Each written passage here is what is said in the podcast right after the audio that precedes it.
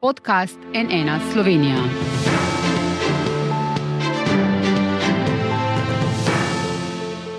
Dobar dan. To je drugo od štirih soočen na NN pred prvim krogom predsedniških volitev. Samo še en teden kampanje je ostal petim kandidatom in dvema kandidatkama, potem nastopi volilni mok. Bitka za preboj v drugi krok je vedno bolj ostra in napeta, zlasti med kandidati levo od sredine, ki so danes z nami. Dobar dan, spoštovani gostje, Miha Kordiš, ki kandidira s podpisi poslancev Levice. Dobar dan. Dobar dan. Nataša Pircmusar, ki kandidira s podpisi voljivcev in podporo piratov ter stranke Mladih Zeleni Evrope. Dobar dan. Dobar dan. Milan Brgles, ki kandidira s podpisi poslancev Gibanja Svoboda in socialnih demokratov. Dobar dan. Dobar dan. In Vladimir Prebilič, ki kandidira s podpisi voljivcev in podporo Vesne Zelene stranke. Lepo pozdravljeni. Dobar dan tudi vam. Kakšni predsedniki bodo, če bodo izvoljeni, kako bodo ravnali v eni najtežjih situacij, v katerih se predsednik republike sploh lahko znajde? Bodo ravnali ustavno ali bodo ostali zvesti svojim načelom? Kakšen bo njihov odnos s predsednikom vlade, še posebej takrat, ko se z njim ne bodo strinjali? In ker voljivci od najvišjih politikov v državi upravičeno pričakujejo, da znajo pravilno napovedovati nadaljni potek dogodkov in pravilno odmerjati svoje aktivnosti, se bomo s kandidati pogovarjali tudi o tem. Ampak najprej, spoštovani gostje, nekaj stvari uh, razčistimo. Gospod Kordiš, gospod Brgles, uh, vidva sta med zadnjimi vstopila v to volilno tekmo. Uh, gospod Brgles, vi se zdaj z Natašo Pircmusar srdito borite za vstop v drugi krok. Hoteli ste biti kandidat vseh treh koalicijskih strank, vendar ma, ima levica svojega kandidata. Iz krogov blizu vas prihajajo informacije, da vam ravno Miha Kordiš lahko odnese uvrstitev v drugi krok, ker pobira del glasov na levi, ki bi jih sicer lahko dobili vi. Gospod Kordiš, ne verjamem, da se v levici niste zavedali tega, da se prav lahko zgodi, da bo vaša kandidatura v drugi krok ponesla gospod Pircmusar, za katero vi pravite, da je preveč liberalna, gospod Brgles pa da je odvisna od tranzicijskega kapitala. Levica je napovedala vstop v predsedniško tekmo v trenutku, ko koalicija ni imela svojega kandidata in ni nič kazalo, da bi ga imeli. Skratka, ko nobena druga stranka ni prevzela odgovornosti, smo mi prevzeli to odgovornost, napovedali vstop v predsedniško tekmo in ponudili nekoliko kasneje še kandidata. In to smo storili z zelo dobrimi vsebinskimi razlogi, ker na mestu predsednika potrebujemo nekoga, ki bo deloval kot glas za ljudi, ki glasu v naši družbi nimajo. To so običajni delavci, običajne delavke, od industrijske hale do pisarne. Zdaj niste odgovorili, ne, če se lahko to zgodi, ampak če se to zgodi, da vi vnemogočite gospodu Brglezu v drugi krok, ali vi pričakujete za levico kakšne posledice tudi v koaliciji? Ni skrivnost, da imamo predsednika vlade, ki igra samo na zmago, podpira pa gospoda Brgleza in ni skrivnost, da je lider vaše stranke Luka Mesec zagovarjal, da bi levica podprla Milana Brgleza. Torej, kakšne posledice za levico? Koordinator Luka Mesec je predstavu svetu stranke, tako kot po funkcijo tudi, tudi mora, možnost, da se naknadno odločimo o podpori gospodu Brglezu, ampak smo se v stranki v resnici že kakšne mesece predtem pripravljali na svojo uh, lastno kandidaturo in stranka vstopa v to predsedniško tekmo uh, združeno. Sicer pa ne delim vaše ocene, da bi bila ravno levica tista, ki bi ne, onemogočila recimo gospodu Brglezu vstop v drugi krok. To predsedniško kampanjo um, sidramo na zelo jasnih vsebinskih temah in za te teme tudi želimo, da se prevedajo. Prevedejo potem v nadaljevanje predsedniške tekme. In če kaj, bi dejal, da naša kandidatura vabi na volišča ljudi, ki so sicer popolnoma oropani kakšne politične perspektive, ki ne verjamejo v, politik, v politiko, niti ne hodijo volt, z našo kandidaturo in z našimi vsebinami, da bomo njihov glas, pa se bo to morda spremenilo. Zdaj, niste odgovorili ali pričakujete kakšne posledice, ampak samo še to na kratko, če boste vi 23. oktobra dobili višji odstotek kot vaša stranka na aprilskih parlamentarnih volitvah, bo Luka Mesec ostal na čelu stranke in ali bo imel pri tem tudi vašo podporo, ker tudi to ni skrivnost, ne, da po vstopu v koalicijo razmere v levici uh, niso ravno mirne, če tako rečem. Ampak v to predsedniško kampanjo smo šli združeni skupaj, tako teren stranke kot najbolj vidni predstavniki. Luka Mesec, recimo, bo imel je, vašo podporo. Je najaktivnejši moj podpornik v tej predsedniški kampanji in kot gremo v to predsedniško kampanjo skupaj, bomo skupaj tudi nadaljevali, v dobrem ali v slabem. Ima vašo podporo pri nadaljem vodenju stranke, če se zgodi to, kar sem prej povedal? Vsekakor, skupaj gremo na levo. Dobro. Uh, gospod Brgles, uh, bitka za drugi krok med vami in gospod Natašo Pircmusar je tesna. Ali vi menite, da vas lahko Miha Kordiš spotakne in se zaradi njegove kandidature uh, ne uvrstite v drugi krok? In ali menite, da Miha Kordiš ruši koalicijo? Nekaj, ker včeraj ste dejali, da dokler je bila v igri Marta Kos, vi niste želeli zakorakati v predsedniško tekmo, ker bi bilo to rušenje koalicije.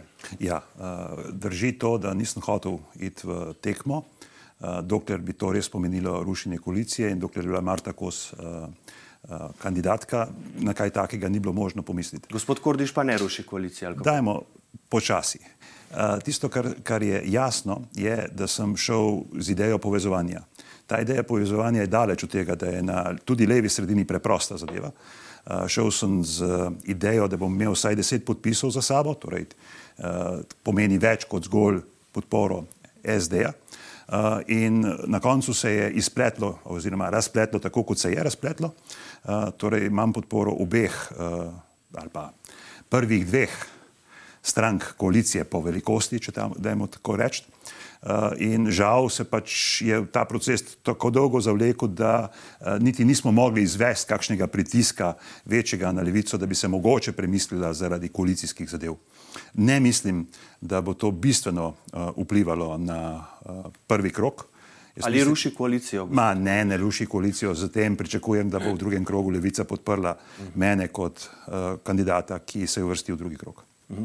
Gospod Brgles, eh, na vas letijo očitki o finančnih nepravilnostih v Šahovski zvezi Slovenije, ko ste bili eh, njen predsednik. Zdaj bomo videli tudi dokument inšpekcijskega nadzora, ki ste ga vi včeraj javno objavili. Eh, zdaj po tem dokumentu se je postopek izrednega inšpekcijskega nadzora ustavil, ampak nekatere nepravilnosti so pa bile tudi, kot izhaja iz tega dokumenta, vendarle ugotovljene. Katere in ali ste jih odpravili in se je zato v bistvu ta inšpekcijski nadzor potem ustavil? Ja, sej drugače se ne more ustaviti. V bistvu šlo je v bistvu za vprašanje same dokumentacije, uh, ali je bila ustrezna, ni bila ustrezna, kako so, kako so bile zadeve predstavljene. Uh, ampak glede na vse ugotovitve, mislim, da imamo teh inšpekcijskih nadzorov vsega skupaj osem. Medtem ko smo organizirali dve evropski prvenstvi. Pri taki organizaciji, kot je naša, to pomeni v bistvu za en teden zaustavitev organizacije, ker delajo isti ljudje na organizaciji. Kakšne nepravilnosti so pa bile ugotovljene, za koliko denarja je šlo? Ma, ni šlo za, za nepravilnosti pri beleženju oziroma pri knjiženju posameznih. Namenska poraba sredstev. Namenska poraba sredstev je vedno izkazana. Torej, na tistih, ki jih imamo, na, na tej inšpekcijski, ta se je pa nadaljevala in imam dokument tudi na nadaljevanju, uh, da je bila pravzaprav ustavljena in tisto, kar objavljajo, je sam en del, uh mhm. -huh. lepljenka, prav strani Jana Zajanše, lepljenka. Da, on za, je objavil to ja, včeraj na Twitterju. Samo en kos. Uh mhm. -huh. Ne objavi nikoli celote, ker mu celota ne paše. Zdaj trdite, da sponzorske pogodbe v višini 200 tisoč evrov s slovenskimi železnicami niste pogojevali z vašo izvolitvijo ne. na položaj predsednika Šahovske zveze, čeprav obstajajo zapisi, da ste. Kaj pa ste potem rekli na občnem zboru, kjer ste bili izvoljeni, da se je informacija o pogojevanju vaše izvolitve eh, s to sponzorsko pogodbo potem znašla? Dajte, najprej, če, če boste pogledali uh, zapisnik, boste videli, da te, te omembe nikjer ni. Je pa dejstvo. Ampak kaj pa ste rekli? Upra, čak, najprej, da povem, kaj se je zgodilo. Upravni odbor me je prosil, da bom, da naj bi bil naslednji predsednik Šahovske zveze, tudi zaradi tega, ker sem Šahovsko zvezo prej že sodeloval v funkciji predsednika državnega zbora, niti nismo vedeli, da grem na evropske volitve, ker nisem vedel za to kandidaturo. Torej, to so me, to so me prosili, da to naredim. Hkrati, seveda, so delali tudi na tem, da zagotovijo sponzorje, ker jih v bistvu morajo za vsako, za vsako obdobje in če hoče Šahovska zveza program izpolniti, ga mora na ta način izpolniti. Imam sabo tako pogodbo, kot ti, ti zapisniki. Iz tistega ne izhaja ničesar tistega, kar je bilo včeraj asocirano. Kar pa izhaja, pa je, da normalno, da se je sponzor tudi hotel zarovati z mestom v upravnem odboru, kar je nekako logično. Ni samo ta sponzor v upravnem odboru, so tudi drugi sponzori, ki so, ki so dali pravzaprav manjše zneske. Ampak kako Ampak pa potem? To. Kako pa potem pojasnjujete dejstvo, da v upravnem odboru zveze sedi in tam je bil tudi v času vašega predsedovanja generalni direktor slovenskih železnic Dušan Mes, ja, ki je zelo spreten pri ohranjanju dobrih odnosov najprej, s politiki vseh barov? Ne, ne gre se za ohranjanje dobrih odnosov s politiki vseh barv, ampak če je njegovo podjetje to doniralo, je v bistvu on tisti, ki nadzira, kako se ta denar pravzaprav porablja. A je namensko porabljen ali ni? Je član upravnega odbora, to je najvišji organ, predsednik sam ne more praktično skoraj da ničesar odločiti, je pa seveda v odnosu do mednarodne ali pa naše javnosti tisti, ki predstavlja organizacijo in seveda na nek način saj objektivno mora odgovarjati za tisto, kar se zgodi takrat, ko je bil. Del teh inšpekcijskih nadzorov, da smo si zelo na jasnem, se nanaša celo na obdobje, ko še nisem bil uh, predsednik Šahovske zveze in zdaj tudi nisem več. Gospa Pirc-Musar, kako pa vi vidite to zadevo s Šahovsko zvezo in gospodom Brglezom? Ne bom teh zadev komentirala, niti nisem prebrala zapisnika, tako da težko sodim. Um, prepričana sem, da bodo nepravilnosti odpravili, če so bile. Um, no, Mhm. Res ne poznam. Dobro, zdaj, ko ste vi vodili Rdeči križ Slovenije, vaš zavod Infohiša, mesec dni po začetku vašega mandata Rdečemu križu izstavil račun za storitev pravnega svetovanja v višini 778 evrov. Izkazalo se je, da teh pravnih storitev eh, ni bilo, da je šlo v resnici za honorar za vaše vodenje Rdečega križa, čeprav je ta organizacija predsednikom pred vami honorarje izplačevala osebno. Zakaj ste tukaj vi obrali drugačno prakso od uveljavljene, ki pa ste jo po razkritju te uh, napake tudi popravili? Naredili. Ne? Rdeči križ vam je potem eh, denar uh, nakazal osebno in potem so bile plačane tudi vse te dejatve. Zakaj torej ta nek odmik od ustaljene prakse? Najprej ne drži, da se je izkazalo, da ni šlo za pravno svetovanje. Jaz sem kot predsednica Rdečega križa veliko pravno svetovala uh, no, Rdečemu križu. Funkcija predsednice Rdečega križa Rdečega ni funkcija križa, pravne svetovalke Rdečemu križu. Ne govoriva o tem, ja, specifikacija je bila nepravilna, mi smo to napako odpravili. Uh, lahko pa povem samo še to, da jaz bi seveda tudi plačala vse ustrezne davke, ker ko bi si iz podjetja nakazala honorar, če bi si ga želela, bi morala plačati vse ustrezne davščine. Šlo je za en račun, stornirali smo ga in potem je šlo po uh, standardih, ki so si jih zastavili v Rdečem križu naprej do konca mojega mandata. Ampak vendarle račun je pa izstavilo v, vaš zavod, ne? Infohiša. Torej, očitno je bil dogovor, da gre pač ta denar preko tega zavoda, ne pa direktno vam. Ne preko. Vse, kar v svojem življenju počnem, izstavljam račune.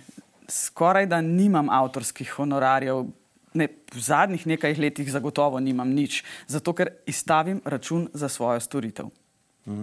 Dobro, eh, zdaj posli vašega moža so tema, ki se v bistvu vleče iz soočenja v soočenje. Teh očitkov ne uspete učinkovito obraniti.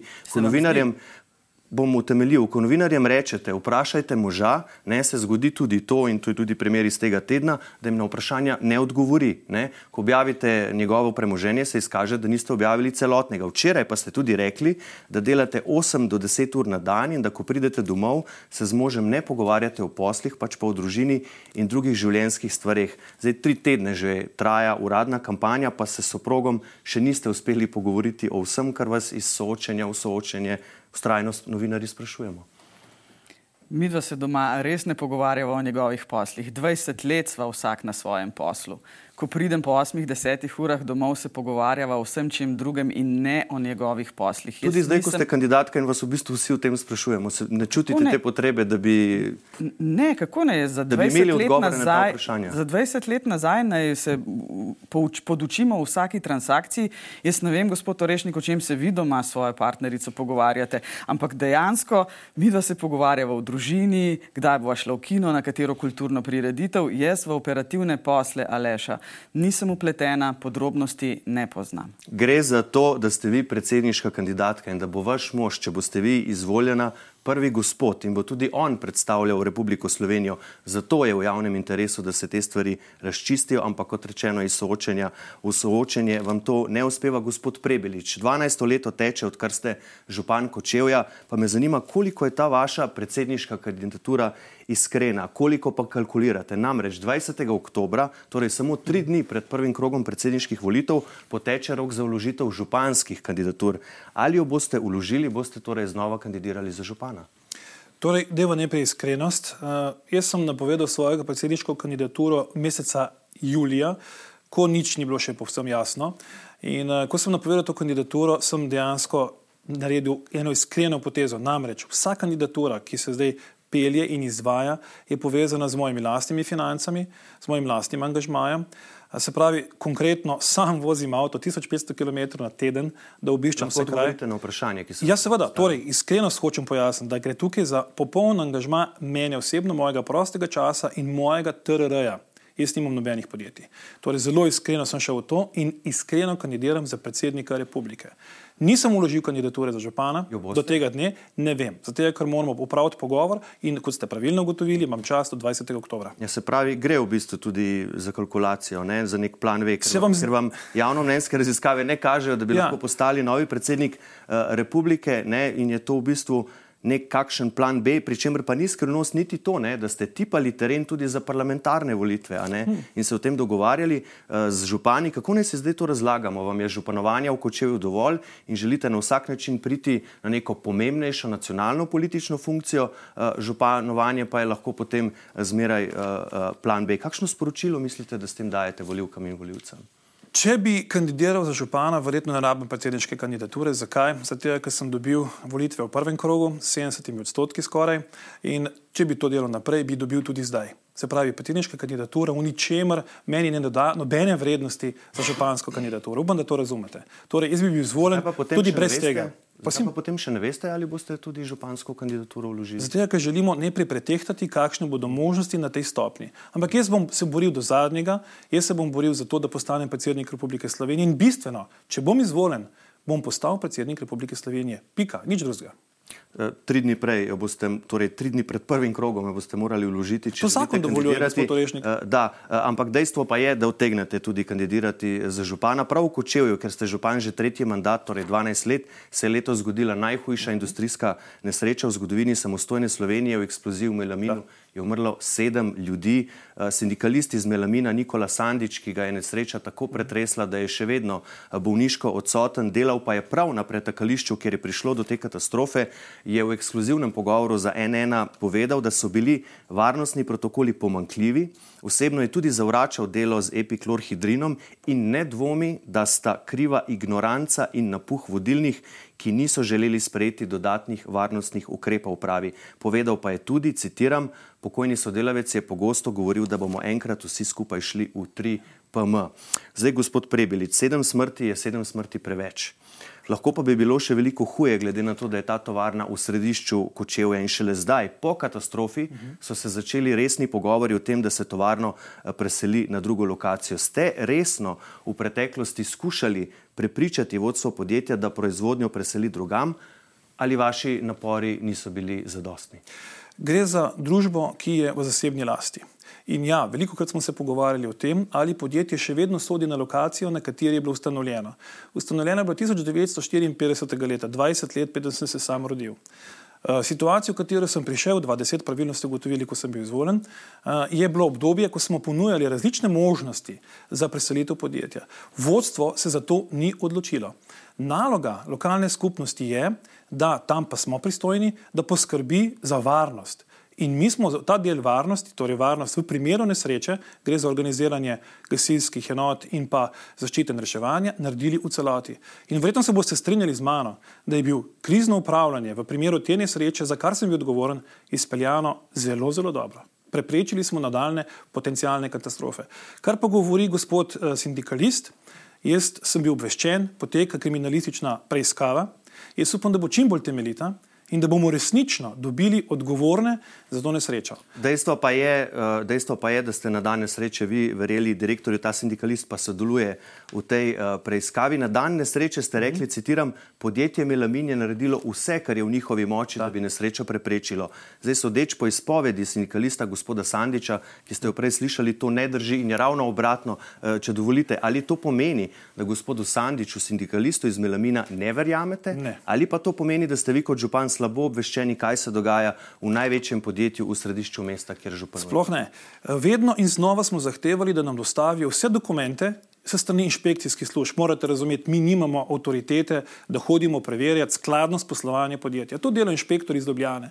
In vsako leto smo dobili poročilo od pristojnih inšpektorjev, delovnega, industrijskega in vseh ostalih, kaj se v podjetju dogaja. Dva dni pred nesrečo smo dobili tudi ta dokument, da je vse BP, Jaz ni moram vstopiti v podjetje in pogledati, ali je izvajanju tudi BP. Lahko Tega pa ne koga morem. vprašate, lahko pa Se sem- vprašate. Direktorja- verjamete- verjamete direktorja sem vprašal. Verjamete sindikalistu? Možno je, kako ne, čist možno je, čist možno. In če je, ponavljam, če je, pa si želim, da odgovorni položijo račune, ker se absolutno z vami strinjam, sedem smrti preveč je bilo storjenega v Kočevju. Kaj boste, če boste predsednik ali župan konkretno storili, in to je tudi potem kasneje vprašanje za vse ostale, da se nevarne proizvodnje umaknejo z območij, kjer ljudje tudi živijo iz mestnih središč ja. in drugih gosto poseljenih območij? Smo že naredili. Hvala za vprašanje.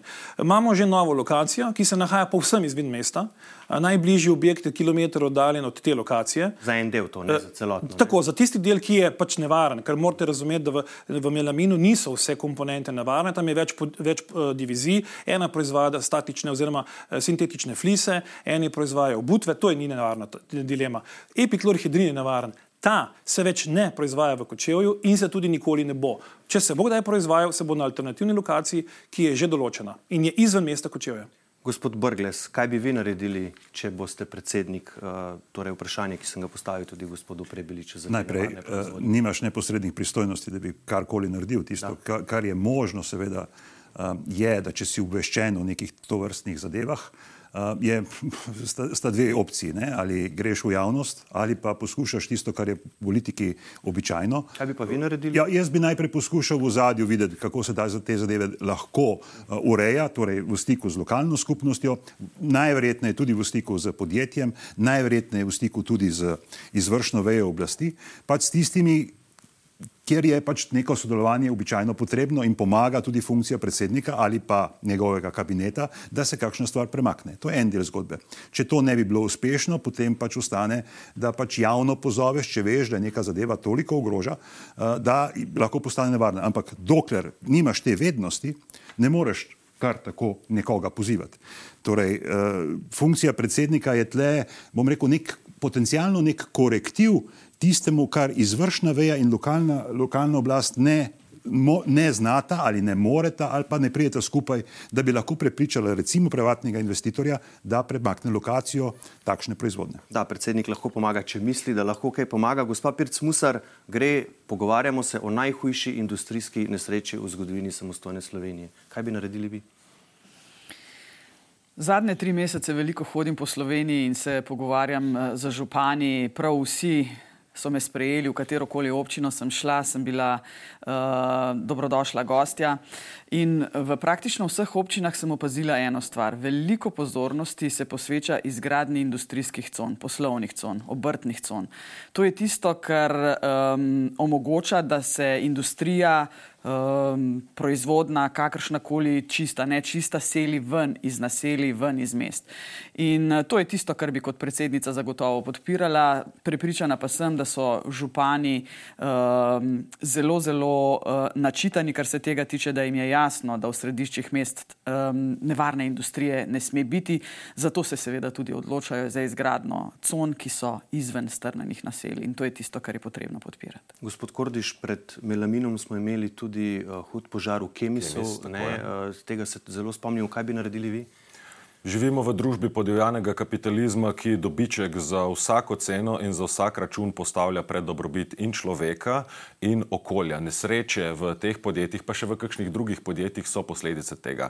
Ravno zato kandidiram z idejo, da mora predsednik voditi v solidarno prihodnost in da potrebujemo socializem za 21. stoletje. Zelo konkretno, kar sem že večkrat v tej kampanji izpostavil, delovska podjetja delajo boljš. Sami ste pokazali izjavo tistega sindikalista. Verjetno bi bilo v melaminu bistveno manj narobe, če bi pri upravljanju tega podjetja delavci dejansko lahko sodelovali. Ni me v interesu ne samo blaginja tega podjetja, ampak tudi blaginja lokalne skupnosti, v kateri se taka podjetja nahajajo. Da so sponzorska pokrita gasilska društva, kulturna društva in tako naprej. Kaj pa bi vi naredili na vse zadnje, na vse zadnje, da taka podjetja delujejo v skladu z nosilnimi zmožnostmi okolja. Kot predsednik se zato zauzemam za delovsko demokracijo. Delovska podjetja delajo bolje in skrbijo tudi za okolje. Mhm. Eh, spoštovani gostje, zdaj teče že osmi mesec vojne na evropskih tleh in še huje, v zadnjem obdobju se stopnjuje retorika ruske strani o uporabi jedrskega orožja. NATO opozarja, da če Rusija res uporabi jedrsko orožje, bodo posledice hude. V bistvu smo včeraj znova slišali ne, eh, srečanja, da vse to jemljajo zelo resno. In preden nadaljujemo, poglejmo, kaj je še ta teden povedal generalni sekretar NATO. President Putin's veiled nuclear threats are dangerous and irresponsible. Russia knows that the nuclear war cannot be won and must never be fought. We are closely monitoring Russia's nuclear forces. We have not seen any changes in Russia's posture, but we remain vigilant. Zdaj, vloga predsednika republike na mednarodnem parketu je izjemno pomembna. Prav tako je pomembno, da znajo najvišji predstavniki države pravilno oceniti razmere in nekako predvideti nadaljni razvoj dogodkov. Vprašanje je za vse. Ali bo po vaši oceni Putin res uporabil tudi jedrsko orožje ali ne? Kaj bi temu sledilo in kakšne bodo v zvezi s tem vaše aktivnosti, če boste predsednik ali predsednica? Kakšna je torej vaša napoved, gospod Prebilič?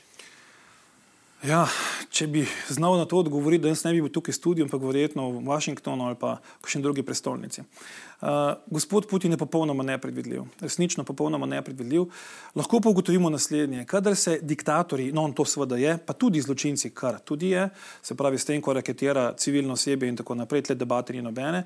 Torej, ko se take osebe prižene v brezizhodno situacijo, so lahko še korak bolj nepredvidljivi kot vsi ostali. Težava v nastanju Ruske federacije je seveda, da je predsednik tisti, ki odloča o uporabi nuklearnega orožja avtonomno, se pravi, nima nobenih pravih varovalk, pod A in pod B, da mu celo neko pokritje daje, da lahko brani, oziroma da mora braniti teritorij Ruske federacije z vsemi silami. Ne? Torej, tukaj smo zdaj v eni situaciji, ker se lahko zgodi tudi to. Jaz mislim, da, in to je eh, generalni sekretar dobro ugotovil, vse sile moramo napeti v smeri, da do tega ne pride. Zato, ker nuklearno orožje je zgrajeno in se ga uporablja v smislu grožnje. Grožnje, ki se ne zgodi. Torej, ker imam to orožje, mi nihče ne bo napadel. Ampak kaj pomeni to, kar ja, ste rekli, ja. napeti ja. vse sile? Kaj bi vi kot predsednik naredili? Nujno potrebno je najti način, kako komunicirati z ruskim predsednikom, uh -huh. uh, poskušati ugotoviti, kaj je tisti najmožni nižji imenovalec njegove strani, da bi se neka stvar ustavila, doseči neko premirje, ker deeskalacija konflikta je nujno potrebna. Vse ostalo nas vodi v slepo ulico in, to je naj, najpomembnejše, mi moramo razumeti, Ruska federacija razpolaga 6000 nuklearnimi eh, glavami, največ ta trenutek na planetu Zemlja. In če se zgodi nek, nek incident, nuklearni incident, pravzaprav Evropa sama v tem kontekstu ne more povračilnega udara narediti. Ampak vsi se evropski voditelji, dobro, ne vsi, ampak nekateri pa se skušajo pogovarjati s Putinom, ne pa In še bolj se bo potrebno. Zaleglo. Kaj potem? Mislim, Kaj ne, ne, politik se mora vedno poskušati pogovarjati, ne oziraje se na brezizhodno situacijo. Tudi včeraj sem imela potem po koncu študija pogovor z gospodom Anžetom Logorem, ki je rekel, ja, se se ne da. To ni odgovor. Politik mora ustrajati tudi v situaciji, ki je brezizhodna, glavno zaradi tega, ker je zaščitnik interesov vseh ostalih evropejcev, teh je pa 480 milijonov. Gospod Pirc Musar, vaša ocena stanja, kaj pričakujete? Bo res prišlo do uporabe jedrskega orožja? Kaj sledi? Kot mama 21-letnega sina si seveda želim, da do tega nikdar in nikoli ne pride. Dejstvo je, da je Rusija agresor. Dejstvo tudi je, da je um, Generalna skupščina Združenih narodov na posebnem zasedanju pred dvema dnevoma uh, odločila, sej ne gre za zavezujočo uh, odločitev oziroma gre za priporočilo. Uh, prepoznali so aneksijo vzhodne Ukrajine k Rusiji kot uh, nezakonito, kot kršitev mednarodnega prava. To je meni en pomemben signal. 143 držav članic Organizacije Združenih narodov je glasovalo za ta predlog, 35 se jih je vzdržalo, zgolj pet jih je bilo za, torej na strani Rusije.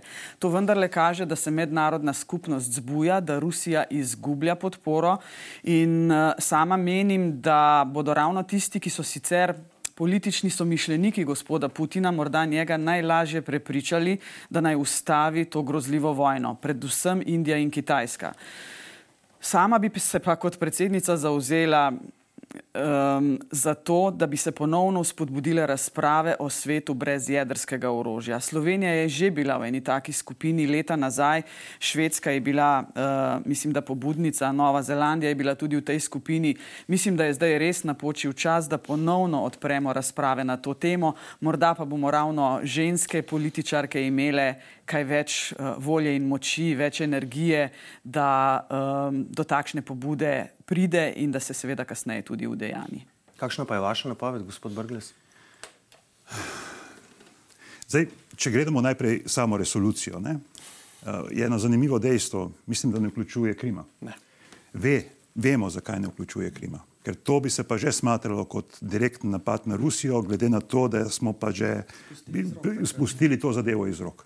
Torej, najverjetneje vemo, kaj pomeni tista grožnja, kjer bi se lahko jedrsko orožje dejansko uporabilo in kje bi dejansko bil potisnen v, v kot. Tisto, kar lahko predsedniki naredimo in kar predsedniki pravzaprav že do, delajo. Nivo pogovarjanja, torej ta kanal, diplomatski kanal, seveda poteka tudi med predsedniki, tako usklajevanja, tako znotraj držav NATO, tudi, tudi pravzaprav širše.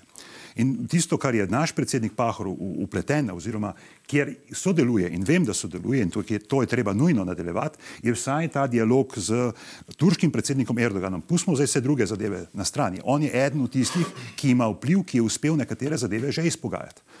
Seveda tudi pod okriljem Združenih narodov. Drugi takšen, ki je, tukaj je pač praksa našega predsednika vlade, ustrezna, uporabna, najverjetneje ta stik z Makronom lahko uporabiš. To sta, to sta dva kanala, ki ta trenutek potekata. Ključno je razviti kanale še do Kitajske, ker ti tudi postaja nervozna zaradi grožen z uporabo jedrskega orožja. Zdaj, vse to se lahko zavedamo. Bom pa vseeno eno stvar repliciral glede tega sveta brez, uh, brez jedrskega orožja. Mi smo se tisti trenutek, ko smo hoteli vstopiti v NATO, v trenutku umaknili iz tega. Ker je naše članstvo v, v, v NATO pač po takratnih razumevanjih zadev nasprotovalo pravzaprav prav, prav, prav v bistvu to zauzemanje. Eh, je problem, zato ker Slovenija nikoli ni zelo jasno povedala, na kakšen način želi ali pa saj se ni vzdržala pri resolucijah, ki bi vodile v, v, v, v, to zadevo. Da, ste... tukaj, je, tukaj je taka subtilna zadeva, ki se absolutno strinjam, ampak je pa treba ogromno priprav tudi znotraj NATO samega, Po tistem, ko bo Švedska prišla noter, bo treba preveriti, ali ima še ista stališča, kot jih je imela predtem, Lahko. ker NATO zahteva nekaj svojega. Lahko na kratko odgovorite, gospod Pircmusar? Jaz sama sem rekla, da bom dala to pobudo. Seveda je pot do tega uh, zelo, zelo dolga in bo zahtevala ogromno politične pragmatičnosti in modrosti, ampak menim, da je čas ponovno za takšno pobudo. Gospod Kordiš, kljub temu, da je na evropskih tleh vojna, da se omenja uporaba jedrskega orožja, se vam v tem trenutku še vedno zdi pametno zagovarjati stališče, da mora Slovenija izstopiti iz uh, sistema kolektivne obrambe, torej iz NATO? Še bolj kot kadarkoli prej. Mislim, meni je popolnoma nepojmljivo, da se z resnimi obrazi pogovarjamo o možnosti jedrske vojne. A smo mi, oziroma natančneje, zahodni establishmenti res popolnoma znoreli? Kot človeštvo smo soočeni ta hip z grožnjo podnebnega zloma, za katerega imamo samo še desetletje časa, kar je izključujoče s tem, da se mi gremo oboroževalne tekme, nove hladne vojne, kaj šele, da se pripravljamo na jedrski Armagedon. Kar se tiče konkretno te situacije, Putin ne bo uporabil jedrskega orožja kar tako ne more zmag zmagati pod narekovaji jedrske vojne, povračilni udar bi bil iz Zahoda premočan. Kar me bistveno, bistveno bolj skrbi. Potem mislite, da blefira s temi grožnjami? Um, kar, ameriške, samo nas ni več. Nimamo tega. Um, nas ni več. Kar me, kar me bistveno bolj skrbi, je najava tako imenovanega raketnega ščita. Zakaj? Kljub zvonkemu imenu, ta raketni ščit ni namenjen uh, temu, da te zaščiti, ukolikor uh, na, neka druga država na te vrže celo točo jedrskih konic, preprosto ni zadost učinkovit, da bi to dosegel. Nekaj drugega je namen jedrskega ščita. Če bi NATO pakt začel jedrsko vojno, poradiral tri četrtine ciljne države, potem bi bil povračilni udar bistveno šipkejši. Šele v takih razmerah ima raketni ščit neko minimalno možnost, da vsaj približno deluje, pri tem, da jastrebi v NATO-vemu generalštabu seveda sprejemajo tudi kol kolateralno škodo. Nim je popolnoma vseeno, če jedrska bomba pade na Ljubljano, nam zastrupi celo državo, za njih je to sprejemljiva žrtev. In zato moramo iz NATO pakta oditi, jedrske konice pa umakniti, pospraviti iz evropskega kontinenta stran. Gospod Brgles, vi ste v enem od soočen tudi rekli, da bi se pred rusko agresijo na Ukrajino v Sloveniji lahko pogovarjali o posvetovalnem referendumu o slovenskem članstvu v NATO, da pa bi po ruski agresiji to za Slovenijo pomenilo takšno izolacijo, da je državi ne bi privoščili. To je treba malo razčistiti. Če boste predsednik, bo to zelo pomembno vprašanje. Ali ste tudi vi osebno pred vojno dopuščali možnost, da Slovenija iz NATO izstopi ali da začnete postopek? Ne, v bistvu šlo je samo za to, da sem dopuščal možnost, da to še enkrat preverimo. Če bi to bilo pravzaprav potrebno ali pa bi koalicijska pogajanja recimo vodila v to In smer. Če bi ljudje rekli, da so za izstop, ne bi tudi pravite, za mladino ste rekli, da je NATO podaljšana roka interesov ZDA. Ja, v bistvu, lejte, ljudje so odločili to zadevo. Edino tisti, ki lahko odloči v nasprotno smer, niti ni sama politika, ampak najverjetneje neki tazga bi morali potrditi na, na referendumu. Zdaj, tudi če pogledate tretji A člen, bi najverjetneje lahko uh, neki tazga izvedel. Če je šla zadeva v to smer, da vstopaš v neko takšno organizacijo, na katero sicer ne prenaša svoje suverenosti, mora pa spoštovati določene vrednote in to naj, NATO, naj bi bil, glede na to, kakšen statut je tam napisan, čeprav če realistično gledaš, skoraj ničemur temu ne prispeva. Ampak smo, smo pravilno razumeli, če bi se ljudje na Če bi se referendumu izrekli za to, bi vi kot samo- predsednik se zauzeli za začetek takrat- teh postopkov. Samo takrat, dokler je bila zadeva pred vojno, torej če bi ostali v mirnem stanju, če, ne te vojne, če bi to vojno lahko odmislili, zdaj jo pa tudi, če se konča, ne moremo kar tako odmisliti. Tudi če bomo spet v mirnem stanju. Ja, ne, bo- pride, ne prideš takoj nazaj na tisto, kar je bilo prej. Svet ne teče nazaj. Dobro, gospod, gospod Prebilič. Torej, bistveno se mi je naslednje. Ves čas je NATO za nekaj kriv, ne? pa v bistvu ni. Države članice, Washingtonska pogodba je zelo enostavna, ima 17 členov in znotraj njih je zelo pomembno, kako znamo mi kot Slovenija za naše interese eh, naslavljati. Jaz pogrešam aktivnejšo slovensko diplomacijo, ki bi jasno prezentirala, kateri so ti naši interesi. Ves čas se NATO uporablja, NATO od nas nekaj zahteva. Pa povejmo že enkrat, da mi ne znamo jasno definirati, kaj mi zahtevamo od NATO. Torej, tukaj je velik manjko na naši strani, bolj kot ta trenutek v NATO. In drugič, v NATO smo vstopili zaradi tega, da bomo probali stroške obrambe eh, de- razdeliti z drugimi narodi. Na ta način je vse skupaj ceneje, bolj racionalno porabljeno. Če bomo izstopili iz tega, bomo morali vse, kar se tiče obrambe, zagotavljati sami. Lasten proračun, lastni vojaki in mobilizacijo oziroma vzpostavitev novega sistema popolnjevanja bo potrebna. To, to velja za Avstrijo, to velja za Švico. Torej, alternativa ta trenutek izstopu iz NATO je zelo slaba, se pa strinjam v tistem delu, preveč govorimo o vojni, govoriti moramo o miru in govoriti moramo o pomembnih stvarih, to so, uh, uh, družbe, uh, to so klimatske spremembe. Najprej še vi, gospa Pirc-Musar, zelo jasno, ste za slovensko članstvo v NATO ali ne, če se lahko do tega opredelite najprej. Ne moreš enkrat zagovarjati uh, članstva v NATO, potem pa ne, ker ni vojne. Smisel NATO je kolektivna obramba. Nikoli ne, vemo, do kdaj, nikoli ne vemo, kdaj lahko do vojne pride. Sama zagovarjam članstvo v Zvezi NATO, zato ker se mi zdi, da je izjemno pomembno za uh, kolektivno obrambo. Nobena država ne more sama ob primerih kakšnih hujših napadov ali kriz poskrbeti za čisto vse vidike obrambe. Mi je pa NATO všeč še zaradi drugih stvari. Namreč NATO zadnje čase zelo poudarja tako imenovano dvojno rabo tehnologij, kar pomeni, ko se kupuje orožje, uh, da se ga lahko uporablja v vojnih in v mirnih časih. NATO veliko časa posveča tako imenovanim hibridnim vojnam, kibernetski napadi. Uh, hibridna vojna so lažne novice, hibridna vojna je uničevanje prebivalstva s posilstvi žensk. Vse to so stvari, o katerih se v NATO pogovarjajo in sama želim kot predsednica seveda tvorno sodelovati tudi v takšnih razpravah. Kot že rečeno, je vloga predsednika republike na mednarodnem parketu zelo pomembna, formalna in neformalna, glede na zaostrene globalne razmere. Gospod Kordiš, katere tri politike ali druge vplivne osebnosti v tujini lahko nemudoma pokličete in vam bodo dvignili telefon in kaj bi se v teh razmerah poskusili z njimi dogovoriti? Glede na to, da sem star 33 let in nisem bil še na nobeni funkciji, ki bi delovala na mednarodnem političnem parketu, lahko sicer dvignem telefon in koga pokličem, ampak bo ta prej bliže kakšnemu poslancu ali pa sindikalistu v drugi državi, kot pa nek visok politični uh, uslužbenec. Ampak sej zato pa imamo profesionalno funkcijo recimo predsednika republike, da take kontakte vzpostavlja in to na njih gradi. In na njih gradi in to moramo storiti. Namesto, da se pogovarjamo o vojni, o nakupo, nakupih orožja in pretresamo scenarije jedrskega Armagedona, se moramo zauzeti za mir in za bratstvo med narodi takoj. Dobro, gospa Pirc Musar, koga bi vi poklicali? Katere tri? Ko postanem predsednica, bo, bo zagotovo telefon dvignil. Uh, ne, zdaj, zdaj. Kdorkoli danes, koga lahko da, pokličem. Uf, poznam kar veliko evropskih poslancev, poznam kar veliko evropskih komisarjev. V svoji, v svoji karieri sem se srečevala z mnogimi. Uh, v tem sklicu poznam Sofijo Intveld, poznam Vero Jurevo, z njo smo veliko komunicirali, ko je še bila komisarka za človekove pravice. Govorila sem s kar nekaj, dobro, zdaj že nekdanjimi predsedniki po um, Zahodnem Balkanu. Skratka, imam kar nekaj mednarodnih poskušali kontaktov. dogovoriti in katere tri bi dejansko poklicali? Zdaj ste pač govorili, koga poznate.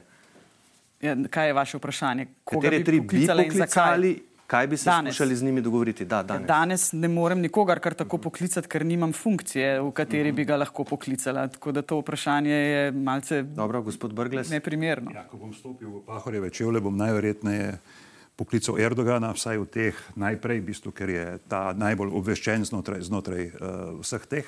Tle komunikacija pač teče in je vezana na samo funkcijo, poznava se odprej, ko sem nadomeščal uh, Pahorja, ampak to je zgolj eno, ena slučajnost.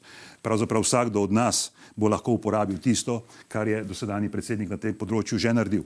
Uh, in ja, tukaj se v bistvu ne, ne uporablja ta ruplov argument, imam veliko beležnico, pa ne vem, koga lahko kličem po svetu.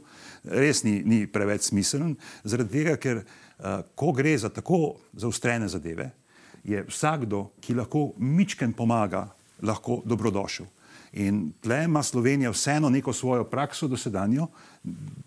Pustimo, kaj si novinari pa drugače mislite, ker ta del prakse poteka daleč od oči javnosti. No, ampak za voljivke in voljivce je lahko pomembno, kakšne vezi ste je. spletli kot kandidati v dosedanjem delu in vprašanje je bilo zelo jasno. Gospod Prebelič, kaj pa vi? Andreja Sakifarja, generalni sekretar Kongresa pri svetu Evrope. Gre za edini medvladni organizirani kongres, kjer so vsi župani 47 držav članic prisotni. Tukaj sem podpredsednik socialistične skupine v tem kongresu in tukaj bi začel pogovor. Zakaj? Zaradi tega, ker Svet Evrope je edina evropska organizacija, ki se razteza tudi na vzhodni del Evrope in tudi posega že v Azijo. Torej, to pomeni tudi Rusko federacijo, tudi Turčijo in nekatere druge države. Kaj bi se zmenili? Kaj bi se zmenili? Začeli bi se pogovarjati o miru. Uh mhm. -huh. Namreč premalo se o miru pogovarjamo in se strinjamo v tem kontekstu, da je Turčija lahko tukaj zelo pomemben vezni člen, sicer pa sam tudi poznam župana iz Istanbula.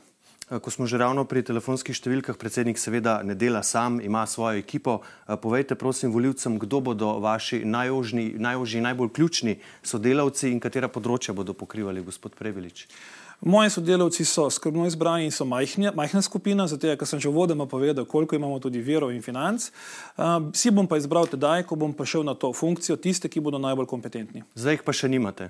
Imam, sodelu, so, ne, ne, sodelujem z različnimi ljudmi, ampak ne želijo biti izpostavljeni. To so v glavnem iz akademskih krogov, profesori, kolegi iz različnih fakultet, pa tudi iz različnih univerz. Gospod Brgles.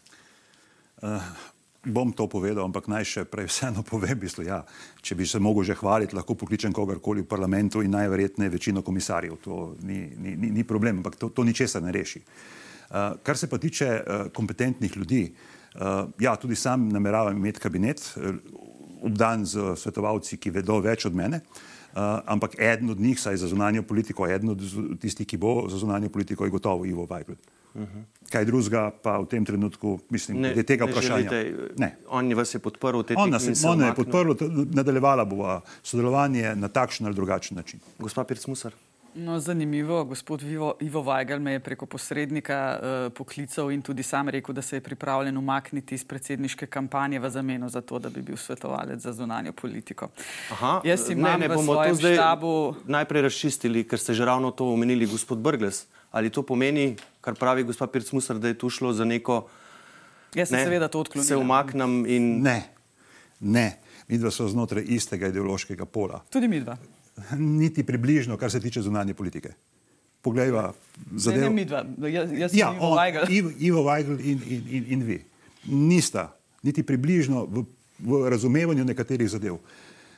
Jaz preprosto potrebujem takšnega, ki zna na tem nivoju včasih misli tudi inovativno. Pa vam je sam ponudil, da vam pomaga ali ste ga? Ne, ne, to je moja odločitev, to sploh nima veze, z, da bi mi on karkoli ponujal. Ampak ker je situacija nanesla, da je bil on na nek, neki časa fungiral kot kandidat, ki bi ga sam podprl. Ker pač ni bilo nikogar drugega, ki bi ga lahko podprl. Po tistem, ko je uh, Marta Kos vstopila, se so zadeve toliko spremenile, da seveda prej, ker sem ga prej na nek način podpiral, se mi je zdelo smiselno, da se o teh zadevah pogovoriva, ampak ta ideja, da bova sodelovala, je pa jasna in sva sodelovala že prej. Ampak, sodelovala bo tudi kasneje. Vi ste rekli, da se, da se zelo razlikujete, gospod Pirc ja. Musar, najbolj na področju zunanje ja. politike. Ja. Ste lahko to konkretni? No, dajmo. Lahko zdaj vprašate, glede, kaj misli glede Palestine, kaj misli glede Katalonije. Ne, kar vi povejte, glede na to, da ste vi ja. to izpostavili. Tukaj, tukaj imamo z Ivom Vajglom zelo podobne poglede, čeprav vem, kaj je možno kot predsednik narediti in kaj ni možno kot predsednik narediti. Vedno sem bil za priznanje Palestine, seveda, če bi to pomenilo tudi dobre odnose z Izraelom, to je zelo, to je velika enigma, na kak način pravzaprav te zadeve narediš. Uh, problem, ki ga imamo v Sloveniji, je, da seveda po zakonu o zunanjih zadevah je končni arbiter samega priznanja državni zbor, primerjavi z vsemi drugimi državami, kjer pravzaprav državni zbor že sprejme neko deklaracijo, ampak končni akt. Smo pa spremljali država. sago v državnem ja. zboru in tudi sago s poimenovanjem, ali gre za pripoznanje ali kaj drugega, gospod Pirc-Musar. S tem sem želela samo ponazoriti, kakšna kupčkanja se dogajajo v ozadju med strankarskimi kandidati. Um, sama imam seveda svetovalce, imam jih iz akademske sfere, imam jih iz gospodarske sfere, socialne sfere, res širok spektr. Nikoli si nisem delala utvar, da znam vse, neizmerno mi pri tem pomagajo. O imenih seveda. Zato, ker je to preuranjeno. Uh, imena svetovalcev bom razkrila po 13. novembru. Ampak, to je dan D pomembno za odločanje voljivcev, da vedo, ne, kdo vpliva pri oblikovanju vaših stališč, kdo bo del vaše ekipe. Svetovalci predsednika republike so zelo pomembni. Potem, Sama sem tista, ki izražam svoje stališča. Moje vrednote so pomembne. In zagovarjam jih vedno, že 25 let enako. Človekove pravice, vladavina prava, pravna država, tu se ne spreminjam. Na področjih, kjer nimam dovolj znanja, se posvetujem, ampak na koncu si vedno oblikujem svoje mnenje in sama sem tista, ki ga moram v javnosti tudi zagovarjati. Kje pa vi vidite ključne razlike z gospodom Brglezom pri zunanji politiki, kar je, kar je prej samo omenil? Uh, med mano in gospodom da. Brglezom. Gospod Brglez je. Uh, učiti, kakšen naziv že imate, da vas docent, docent uh, se pravi visokošolski učitelj z področja mednarodnih odnosov, tu ima zagotovo um, izmer, neizmerno veliko izkušenj, ampak um, sama veliko spremljam mednarodno politiko, sem neobremenjena strankami, In tu si res želim um, s svojim znanjem, s pomočjo, seveda, ja, tudi svojih svetovalcev, ustvariti neko sliko. In kot predsednica republike si pa želim, veste kaj, na področju mednarodnih odnosov in zunanje politike. Popolno usklajenost med predsednikom vlade, predsednico republike in državnim zborom. Ne ja. sme se nam zgoditi, da predsednik vlade v tujini govori eno, predsednik države pa drugo. Na to bom pa še posebej pozorna. Gospod Kordiš. Še vi, glede vaše ekipe? Znotraj institucionalnih krogov v naši državi je levica znana po dveh stvarih. Da smo mlada stranka in da imamo z naskokom najboljšo ekipo kar se je pokazalo tudi v zadnjih osmih letih našega parlamentarnega dela, smo edina poslanska skupina, recimo, ki je sposobna iz poslanskih, eh, poslanskih klopi brez aparata ministrstva, eh, smo bili sposobni pripraviti zakon za ukinitev dopolnilnega zdravstvenega. To je prepoznalo dobre 4 odstotke voljivcev na parlamentarnih volitvah. Kdo bo to pravil? Znotraj, znotraj, znotraj institucij nam vsi priznavamo, da imamo izredno kompetentno in izredno močno ekipo. Nimam konkretnih imenov in priimkov, katerih bi želel javno ta hip zagovarjati govoriti. govoriti. Lahko pa rečem, da glede na dinamiko naše stranke bi bila verjetno poprečna starost predsedniškega kabineta pod 40 let. Dobro, eh, tudi vi ne želite razkriti imen. Zaradi razmer v Ukrajini se zaostrujejo tudi razmere na drugih eh, področjih. Ljudi je strah, da jih to zimo ne bo zeblo. da jih bo to zimo zeblo, ampak predsednik vlade Robert Golop je bil ta teden na seji v državnem zboru kar jasen, ne rekel je, da zima ne bo tako huda, kot smo se bali. Dejstvo pa je, da je zaželeno tudi v izogib morebitnim redukcijam vrčevanje z energijo. Ali tudi vi osebno že vrčujete z energijo in kako konkretno gremo en krok, pa kar vi če začnete? Sem problem z energetsko krizo ni padel z neba in se je začel že pred izbruhom vojne v Ukrajini, ker je nekaj globalnih igralcev, nekaj velikih korporacij začelo ljudi izsiljevati, izsiljevati države s tem, da so si dvigovali marže. Kako pa vi vrčujete? Uh, in so si začeli dvigovati marže. Vojna v Ukrajini je to krizo še poglobila. Jaz ne vidim, zakaj bi mogel vrčevati za to, da bojo tam eksoni šeli dodatno zaslužili in da se gre zahodni establishment v, voj v Ukrajini vojno izčrpavanje proti Ruski federaciji. Zakaj bi ljudje nasploh za to vojno in za to krizo plačevali? Se niso oni naredili, naredili naredili establishment in naredili kapitalizem. Ampak govorite pa tudi o okoljski katastrofi, ki se nam obeta predtem, pa vse čas svarite, pa ne vidite potrebe uh, po vrčevanju, gosp, uh, gospa Pirc-Musar. Verjamem obnovljive vire, ja, gospod Pirc-Musar. Zdi se, da je Evropska unija pospešeno dela na tem, da bi preprečila draginjo. Ravno včeraj je Evropska komisija sprejela sklep, da bodo šli v skupno nabavo energentov, kar pomeni, da bodo preprečili špekulacije na trgih. Vsi bomo morali vrčevati, to je dejstvo, ampak mislim, da kakšne hude panike ne bo, da smo lahko mirni. Eh, pri nas doma smo že zmanjšali ogrevanje na 21 stopinj in to seveda priporočam tudi drugim. Gospod Brgles. Ma, srečen sem, srečen, vesel, da je solidarno zaenkrat še v igri eh, in Evropska unija bo obstajala tudi v tej krizi tako dolgo, dokler bo solidarna in bo našla način, kako biti solidarna. Uh, tako da je ta kontekst omogoča potem ravnanje tudi držav in potem tudi takšne obljube, kot so. Ne. Kaj pa vaše vrčevanje? Uh, moje vrčevanje, to leto sem zamenjal korilno olje za toplotno črpalko, to tisto, kar sem lahko, paneli niso prišli v upoštev, zaradi tega, ker je pač napačna gradnja. Uh, Eh, zakaj takšnega in takrat se pa žal ni razmišljalo, eh, ko, ko se je celotna zadeva nekako postavljala. Gospod Prebilič. Da smo v situaciji, v kateri smo, je 30 let odsotnosti zavedanja nujnih sprememb v Evropi in v Republiki Sloveniji. Torej, politične stranke niso storile nič, da bi spremenili način življenja, da bi upeljali obnovljive vere in tako naprej. Zato tudi kandidiram, da ne bom bil od nikogar odvisen, da bom lahko stvari zagovarjal in govoril takrat, kada so ostali tiho. Vprašanje je, s čim vrčujem sam.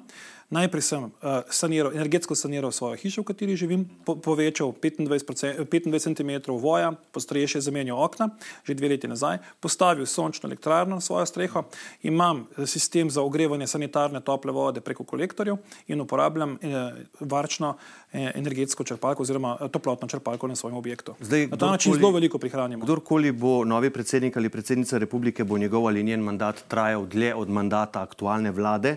Pomembno je, kako predsednik predsednik republike in predsednik vlade sodelujeta, ne glede na to, kdo zaseda eh, ti dve funkciji, še posebej pa je to pomembno v takšnih negotovih razmerah na Hrvaškem, da nimo, ne, spremljamo uh, nenehne uh, spopade, hude spopade, zelo ostre med predsednikom Milanovičem in premijejem Plenkovičem, niti o najpomembnejših strateških vprašanjih države nimata enotnih stališč, tudi ne recimo o vojni v Ukrajini, do tega, da zaradi njunih sporov nimajo imenovanih veleposlanikov.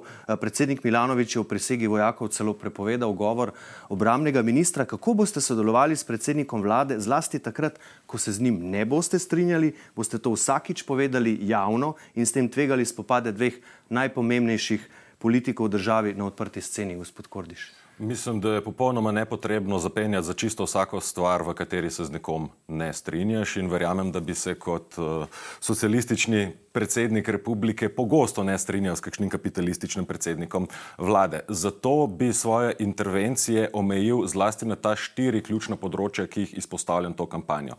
Obramba javnega zdravstva, zagotavljanje stanovanj za mlade kot človekove pravice, zagotavljanje varne starosti in seveda primeren odziv na podnebni zlom. S tem, da se preusmerimo iz cest na železnice in v avtobuse, pa tudi, da razogličimo energetiko. To so področje, v katere bi uložil vso svojo težo, vso svojo moč in vso svojo energijo. Bi za ta področja, ki ste jih našteli, torej od, odprli spopad na odprti sceni, ne s premijem Golobom in stranko in ne nazadnje tudi stranko, iz katere prihajate ne, in trenutno vodi Ministrstvo za delo, družino, socialne zadeve in enake možnosti, glede na to, da pravite, ne, da ste glas delovnih in revnih ljudi. Predsednik mora delati v, z roko v roki z ljudstvom, to je moj mandat kot mandat predsednika republike, eh, če bom izvoljen. In ja, vsekakor mislim, da solidarna prihodnost v tem hipu ni več stvar izbire, ampak življenjske nuje. In sem se zato z vsemi močmi pripravljen postaviti. Ja, ampak minister, minister Luka Mesec, koordinator vaše stranke, se je pa pripravljen odpovedati Ministrstvu za solidarno prihodnost, kar je vsekakor zanimivo. Gospa Pirc-Musar, bi vi, če boste predsednica, delali kakšno razliko v vaših odnosih z Robertom Golobom in da nimo Janezom Janšo? Uh, Govorimo o predsednikih vlade, potencialnih. Uh, prav nobene, glede na to, da nimam strankarske izkaznice, ne eden, ne drugi nimata prav nobene moči nad menoj. Nimam strankarskega nahrbtnika. Zagotovo je pa naloga predsednice republike zgledno komunicirati, ne glede na barvo, uh, kateri pripada predsednik vlade. In, uh, Prepričana sem, da se s predsednikom vlade je potrebno srečevati pogosto, razpravljati, največ verjetno v zunani politiki, tudi o razmerah doma. Če se kdaj ne bova strinjala, pa tega sama osebno ne bom razpravljala v javnosti. Zagotovo ne to pa med nama in računam na to, da uh, bodo pogovori zgledni, primerni, usmerjeni v naslednje generacije in v razvoj Slovenije. Če bi bili vi predsednica eh, republike v času prejšnje vlade iz vaših dosedanjih nastopov kar jasno, kdaj bi se brez zadržkov javno oglasili, ne da. vladanje z odloki v času epidemije, odnos do medijev, da. ravnanje policije naproti vladnih protestih, sem še kaj pozabil. Uh, ta glavne točke ste ja. zajeli. Ja. Za, če lahko samo ja. en stavek dodam, uh, predsedniško funkcijo ravno vidim v tem, da je vrhovni branik ustavnih in človekovih pravic ja. in tu mi je pa čisto vseeno, če bo gospod Golob kdaj naredil kaj takšnega tudi ob njegovih aktivnostih ne bom. Me pa zanima, če je nova vlada gospoda Goloba do tega trenutka že naredila kaj takega, kar bi terjalo odziv predsednika ali predsednice republike. Trenutno ne, ni šlo za kakšnih hujših zdrs v demokraciji, ne, to je tisto, na kar bom posebej pozorna. Morda sem malce bolj pogrešala njegovo zauzetost tudi pri reševanju težav v gospodarstvu. Prav je, da se je najprej posvetil fizičnim osebam in gospodinstvom, ampak zavedati se na koncu moramo, da gospodarstvo daje delovna mesta, draginski dodatek na plačo, odlično, draginski dodatek brez plače, če bodo uh, delavci delovna mesta izgubili, bo pa povzročilo samo še več težav. Prebilič, kako bi ravnali vi, bi delali kakšne razlike, glede na to, če bi bila vlada leva ali desna? Nikakor. In to sem dokazal v 12 letih že ponovanja. Torej, če ste pod nami pogledali občinski sod, boste videli, da vsi sodelujemo. Opozicije praktično nimamo, poenotili smo se, kaj je bistveno v naši državi. In to je naloga predsednika republike, da izpostavi tiste teme, sam sem izpostavil štiri. Najprej je to tranzicija oziroma zeleni prehod, drugo so mladi, tretje so javni sektori oziroma javnost sektorja, zdravstvo, šolstvo in tako naprej. In četrto je decentralizacija. Torej, okrog teh tem se moramo vsi poenotiti, ker če se ne bomo okrog njih poenotili, bo pač konec Slovenije. Se pa sprašujem, se pa sprašujem tudi sam, eh, kako je mogoče sodelovati, če seveda izključuješ. Jaz mislim, da sem človek dialoga in bom neumorno iskal, kako bomo skupaj prišli do temeljnih rešitev, dobrih za Republiko Slovenijo. Gospod Brgles, odhajajoči predsednik republike Borut Pahor je bil deležen kar ostrih kritik, ne ravno zato, ker ni odpiral front z vlado, predvsem, ko je šlo za človekove pravice in druge demokratične standarde, ustrajal je v prepričanju, da je odpiranje front med predsednikom republike in predsednikom vlade škodljivo, ker prispeva k razdvojenosti. Kako boste ravnali vi, če boste predsednik, še posebej, če bo premijer iz druge politične opcije, kot je vaša? Tudi če bo iz iste, bom pravzaprav glede osnovnih standardov na istem in to sem že dokazal kot predsednik državnega zbora. Eh, ko gre za ustavno, se ne mislim pogajati. Eh, ne z Golobom, s Cerarjem, Janšo, tudi Fajonovo, ni važno, kdo, kdo je tam. Glede ustavnosti res ne. Eh, ampak tudi glede tega, na kakšen način lahko sodeluješ. Pogledaš dosedanjo prakso. A je dosedanja praksa že šla izven ustavnih okvirov ali ne? Če je že šla izven ustavnih okvirov in si primoran zaradi tega, ker so pač rezultati volitev takšni, si posebej previden. Tisto, kar znam in tisto, kar mislim, da je treba uh, vedeti, je na kakšen način lahko tudi v zadju rešuješ nekatere zadeve. Ne rešujejo se samo na relaciji do predsednika vlade ali pa do drugih institucij. Rešujejo se mnogokrat na, mnogo nižje, če hočeš kakšno stvar narediti. Uh -huh. To je tisto, kar pač skušam uh, dopovedati oziroma nekako poskušam ponazoriti tudi s tisto prakso, ki sem jo uvedel takrat, ko sem bil predsednik državnega zbora in sem znal marsikatero zadevo v ozadju rešiti. Tiste, zaradi katerih se je bilo pa treba prepirati in so se nanašali na ustavnost, tukaj pa eh, noben, pred, noben predsednik vlade ne bo deležen različnih standardov. Eh, do glasovanja je še dober teden dni, na tanko teden dni pa imate v bistvu časa še za nagovarjanje voljivcev, potem je volilni mok. Torej, 23. oktober, gre za res na NN, smo se odločili za zanimiv preizkus vaše prepoznavnosti in med ljudi smo poslali našega novinarja Jakoba Murovca, ki je poleg vaše fotografije eh, mimo idočim pokazal tudi fotografije estradnikov in drugih znanih eh, slovencev. Pa poglejmo, eh, poglejmo kako ste se odrezali. Ja, to je pa dobro. Smo vsi to videli. Uh, uh. Ja, tudi nek politik sto posta. Tega tu? To je igralec. Uh, ta je pa, um, zdaj sem dobila prospekt. ne vem, ne vem. Kordiš. Un vem, da igra pri Hostarju. Ampak tega na desni pa noben ne pozna. To, ne, to, pa, to pa ne. Uh, to je uh, uh, Miha z Levice. To pa ne vem, to pa ne vem, kdo je. On vem, da je bil prhostar, drugače ne vem imena, sam vem, da je pač nastopil v filmu Prhostar. Na tej strani pa. Ne. Ja, to je gospod Kordiš, predsedniški kandidat. To je pa iz eh, Hostarja. No. Ha, tudi zdaj le ime ne gre, ta hip z jezika. Uh, lepa Afna, pa vem, da je ta iz Kamnika, ki zdaj kandidira za predsednico države. Uh, Musareva, te pa, te pa, uh, te pa tudi od ene stranke. Uh, na Instagramu še slovenska. Uh mhm. -huh. Pa tudi ne poznam, gospod. Nataša Pirc Musar. Ona pa mi ne glih. Uh -huh. Ne vem. Je lepa Afna, tudi ne. Kaj ne bi, Nataša Pirc Musar, kandidatka in pa. Uh, fa, fa, fa. Mm. Ta je pevc, drugač glasbenik, uh mhm. -huh. pa, zato je pa tudi politik, samo en kera stranka, en politik je drugač. Nek politik, to je to. Tega ne poznaš? Ne. To je Brgles.